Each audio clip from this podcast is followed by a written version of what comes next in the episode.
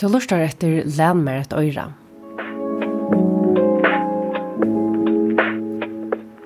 Som held vita folk ikkje nånegv.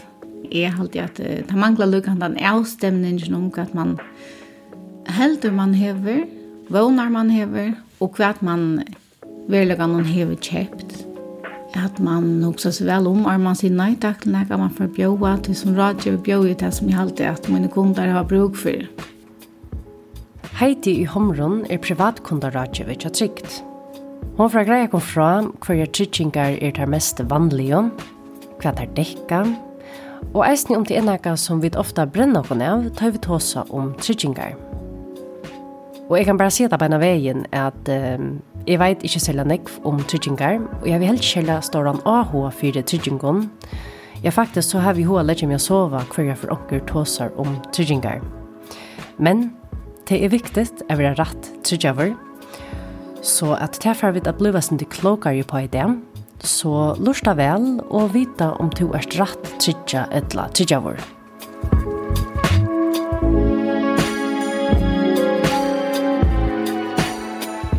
Hverja tryggingar er jo ter mest vanlige, og hva dekka der?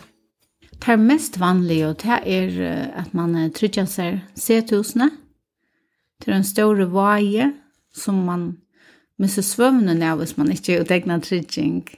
Så det er det som vi selger som kunden etterspyr beina vi. Og i en kjøpsarhus så vil han trygge det. Og man kan si at det ser man ved noen bile, ved noen av som virre. Så man har en trygge igjen beina vi, og ikke minst hvis man har, altså, skal ha plater da, så krevs det at han har arbeidet trygge over. Og så kommer det som er innbygd, familietrygging og etter dødja trygt. Det er en eka som folk vil ha. Trygge seg sutt vire, sina åkner. De fleste, hvis de får bød, så hoksa de må trygge bødnene, vanlig trygge de. Og, og kanskje også om seg sjølvan i rett, ja. Så det er det her fyra tryggingene. Sett oss trygt, familietrygt, ekfærstrygt, og så vanlok trygt.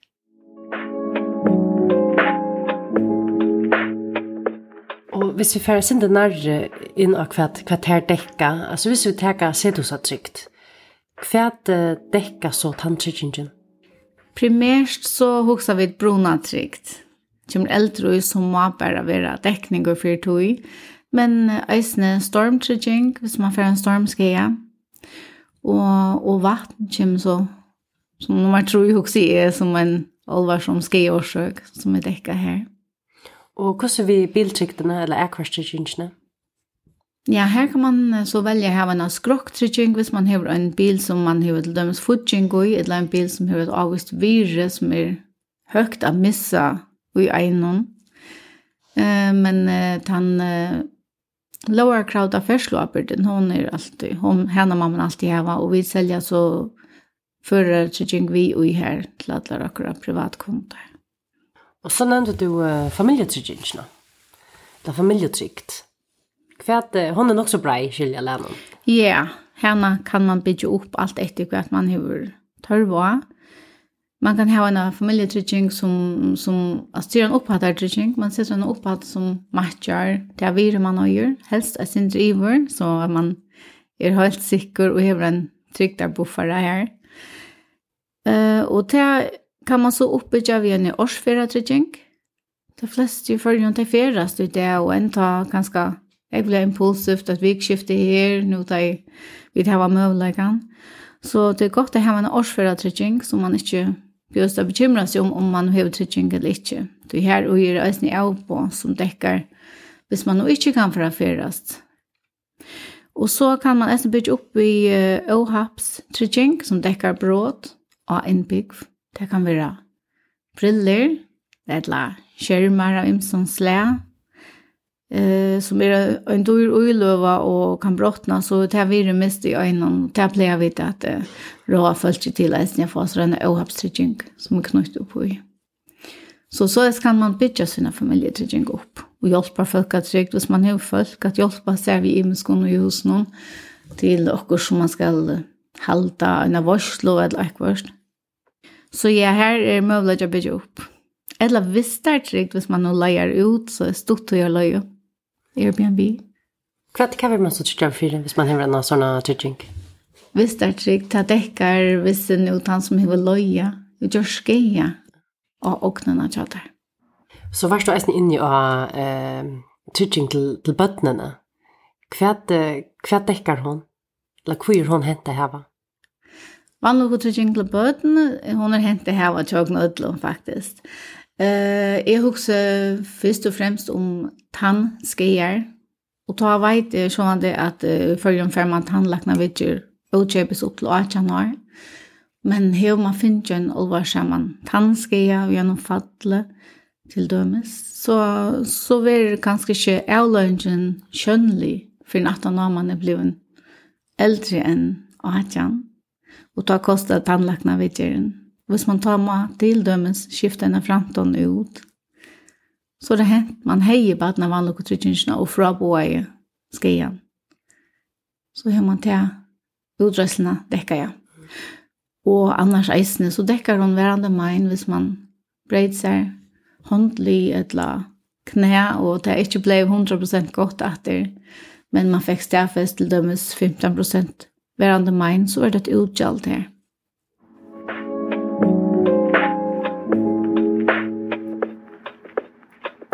Lat okon teka et døme. Vi tar en familie, tvei vaksen, tvei bøtten. De har en hus, en bil, fyrast eina fyrir om året. Og så lever de annars rattliga vanligt.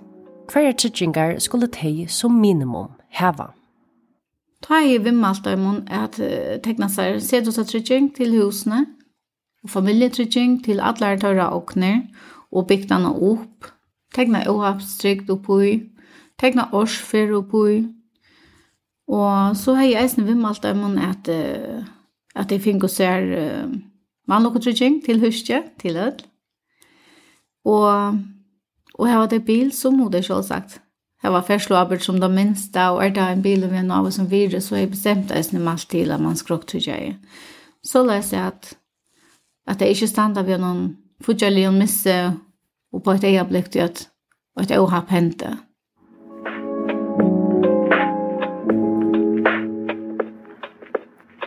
Vi tar lukka av trygging ur rikvene som Heidi nevner. Innbostrygging. Vi tar öll innbyggf, og åtte tog at tryggja dem. Men hvordan vet jeg hvordan nekv innbygg vi kommer er verst? Ja, man kan uh, sånne sette seg at telja noe lunta. At gjøre en, en stykkrund inn i middelen.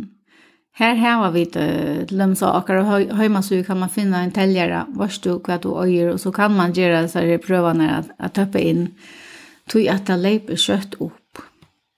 Så var det er jo i mye tommelfingra regler, eller hva du vet, uh, hava rønter ui at folk øya, og 200.000 per person, det er ikke lengt ved søgnar av.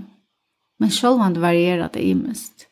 Er du 25 og nøyliga flotter, og i egnan bostad, så, så øyer du, hva sagt hans minne, enn hvis du er sjølv trus og hever bo i egnan bostad i, i 25 år. Så det borde vi naturligt att man uppgraderar ett center eller så först. Ja, man må det för. Mm. Och som en familj att dömes ökes så ökas ösen lotner som man öger virrene. Så en familj att dömes du nämnde en familj på fyra. Jag har också inte under 900 000 då. 900 000 eller 1 miljon och 30 000. Och alla tryckningar i intervallen byrja vi 150.000 og så økes det opp etter vi 150.000. Så er det lagt litt at brøyta og trin, så er det i midtelen.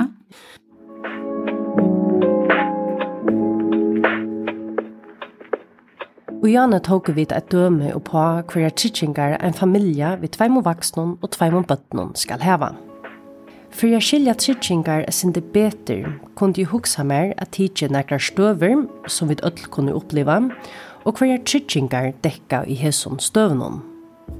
Eit baden kjem til a skøva en bil, jeg missa telefonina og vesekommuna, okkurst fyr i en øden. Ja, hver trygging skulle vi heva for å dekka hesar støvnar. Hvis du opplever at huset kjadar for stormskeia, skorstøyren han fyr i en øden, bare som døme, så måste du hava trygging. Og hun hever tanndekningen som heter Stormskeie. Hvis det er loter innbygg som ferskeia, tildømes bråd som rævlig ofta henter vi ferdtelefonen, så er det åhapstryggingen og i skøytestryggingen som ta er han som dekkar. Er det korslutninger av loten? Da du nevner vatten og telefoner, så har vi eisne elskega dekning, som dekkar elskega og innbygg. Men det vil si at vi det var mest opplevingar av at, at det er bråd av, av ferdtelefoner og ikke korslutninger, eller hvordan man skal definere det. Her i Åhapstrykningen er tann som, som dekkar. Ja. ja.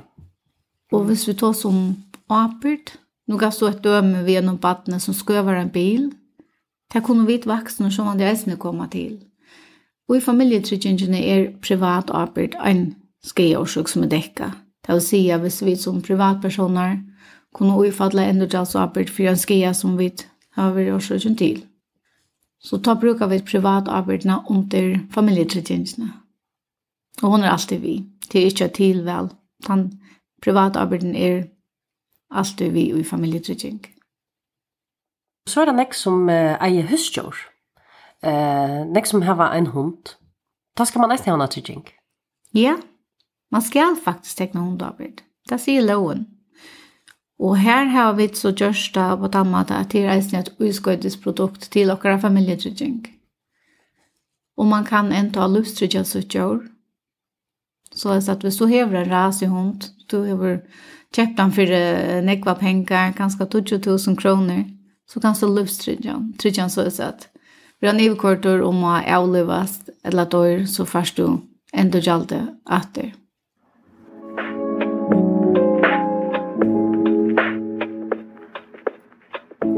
Vi høyrer ofta rævligere søver om folk som opplever ekvørst, og ikkje heva til rødt og tryggingarna. Men er det nærkende såleis at vi dyrer ovnegv tryggjeie? Altså, jeg vet hava for nekva tryggingar som vi ikke ordentlig hava bruk for det. Det er jeg synes trobel å svære på om det er tryggingar som ikke er nøyvar, til det med det er ikke. Altså, jeg kan ikke hava nok av tryggingar, men jeg kan gjeva et døme om uh, ivetrygging. Og det er til dømes vi familietrygging, til en opphadartrygging, og da er veit at jeg øye vire for 500 000 så er det ikke nøyt at tryggja mot innbygg for en million. Jeg får ikke ikkje møyre endregjald enn for det som er skatt. Så det er et døme om ivetrygging. Og er der oppfattet at jeg kunne til dem 16 verre, hvis jeg har en båt, og, og vi er i av noen hver 200. Så, så ikke at det innskjønner tryggingar oppfattet på en million, du får ikke millionene for, for en skattanlod som ikke hever virri av millionene Arna fikk skje. Jeg husker eisne hvis du hever en dyra ferratrygging og unga du ferrast. Ja, altså vi pleier at um, at derfor alt er relativt gott det dorst. Hvis du hever deg en årsferratrygging som femmer om Adlanheim, så kostar det mer enn om du tegnar for Europa. Hvis du så ikke ferast ut i Adlanheim, så sjående skal du derfor anna nere at i Europa. Alltså ta ta betalt då samsvarande kvart du var i en era. Det är onödigt att ha allan standande att du är trygging. Och det samma är vis vis nu hundren dollar så är det och du så inte behöver en hund längre så det är inte att Nej, att ha äntligen bo och kom från så vi får stryka till. Det är det som skiljer det så så är det kanske eisen det vi är man regleliga huxar om hva tryggingar man hever, og regleliga huxar om at det er for tryggingar. Jeg halte at de har det selv, og jeg tykker jeg nek ånder har det så leis, at man tekna det ena fyr, og så skal det helst bare liva sitt egna liv, og man skal ikke huxa nek om det, men jeg har det si at det er viktig at man, at man eh, huxar om etter regleliga, og yeah. regleliga eh, derfor eisne der er tryggingar man ena fyr hever. Akkurat. Jeg har oppgjør ikke vi at tar man kommer tankar om, og nå burde jeg derfor sånn, så er det kanskje ikke åpig akkurat ta Men eh, man kan alltid lättliga sända och en teltepost. För in och hemma så innan tjockon och hick efter och kontaportalen om, om du har det som du har bruk för det eller om, om mer också ska därföras och så bara skriva in till och Det vet gott, det är inte alltid man kommer tankar om sån tryggningar vi skifter i middelen klockan 12 och fyra som är telefontøyene. Men ja, vi er nemme å få fætre av vi telte på oss Ja.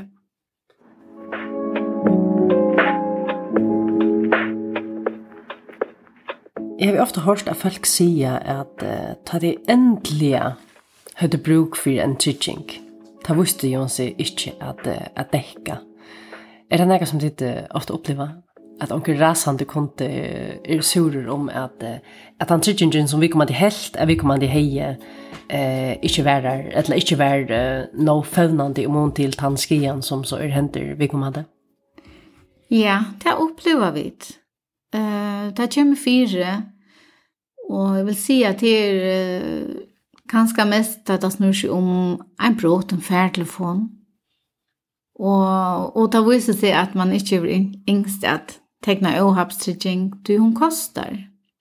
Så det är man någon dekning da man så hur bruk för det, ja. Så da kan man føle sig, jag vill jag brända ner kan man säga, man är ju ändå jag för en skattet telefon, du det kan man har bruk för det här och nu, alltså beina, man kan ikke i det unnvære en færdelfon. Og for så vidt heldur ikke briller som er snedekka av åhapstrykking.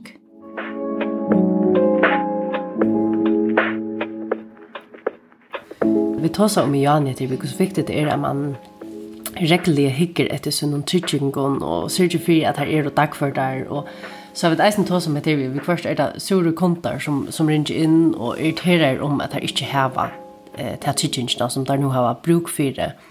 Etter sånn at han avbørten som jeg har som privatpersoner, jeg synes jeg fyrir at jeg ser meg vel nå i hva jeg skal ha, eller hva trygginger jeg skal ha. Men det ligger likevel sagt at jeg har avbørt av tikkene som selger seg tryggingene, at informera folk ordentligt til man tegner tryggingene om at eh, hva disse tryggingene innehalter, og hva man som regel har bruk for som en, en vanlig person.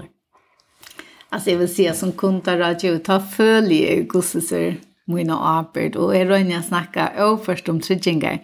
Det är kanske inte det som folk flest bränner mest fyra.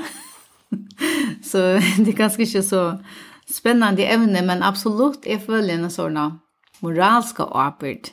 Att kunna väl, sikra mer och riskera kanske att vara sin tjejlig höra på men sikra mer att, att folk skilja ta produktet jeg forteller dem om, og rønne spyrir inn til, ja, men hvem våa hever to?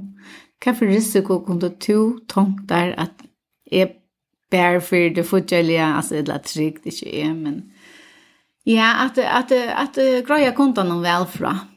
Kvart han i kan gå kan trygga seg bors i at Som vi virer er bare hø av själv at at bära, där man kan trygga seg bors ut i. Og det er det som att trygga sig ger till att att det var våan för folk. Och det er som kunde ikke in och, og ska bo för en skia så så gånger du og håper att de har det rätta tryggingarna och ikke omvendt som man alltid kan ha en fördom om. Det kan stå atla. Hvor så viktig det är. jeg pleier å spørre kundan. Vill du hava att jag ska svära ja eller nej hvis du ringer in och boa fra noe i telefonen så det er brottene kan så få ändå själv? Ak som jag väntar det sin vi vad inskje du at få i svär. Og hvis du vill ha ha en sluka trycking så så har vi den her och kan sälja den. Så vi pleier bare at, at kunne på på den beste maten som jeg alltid kunne kunden ska skilja. Tui at det er eisene som, som, som har vært råd og vilja bedre risikoene. Men så er det tidlig støv til det. bare man teker støv til det, så er det fint. Så er det hei i bøyen for en uh, vågjere. Heidi, jeg får at takk at jeg for det pratet. Gjør så vel.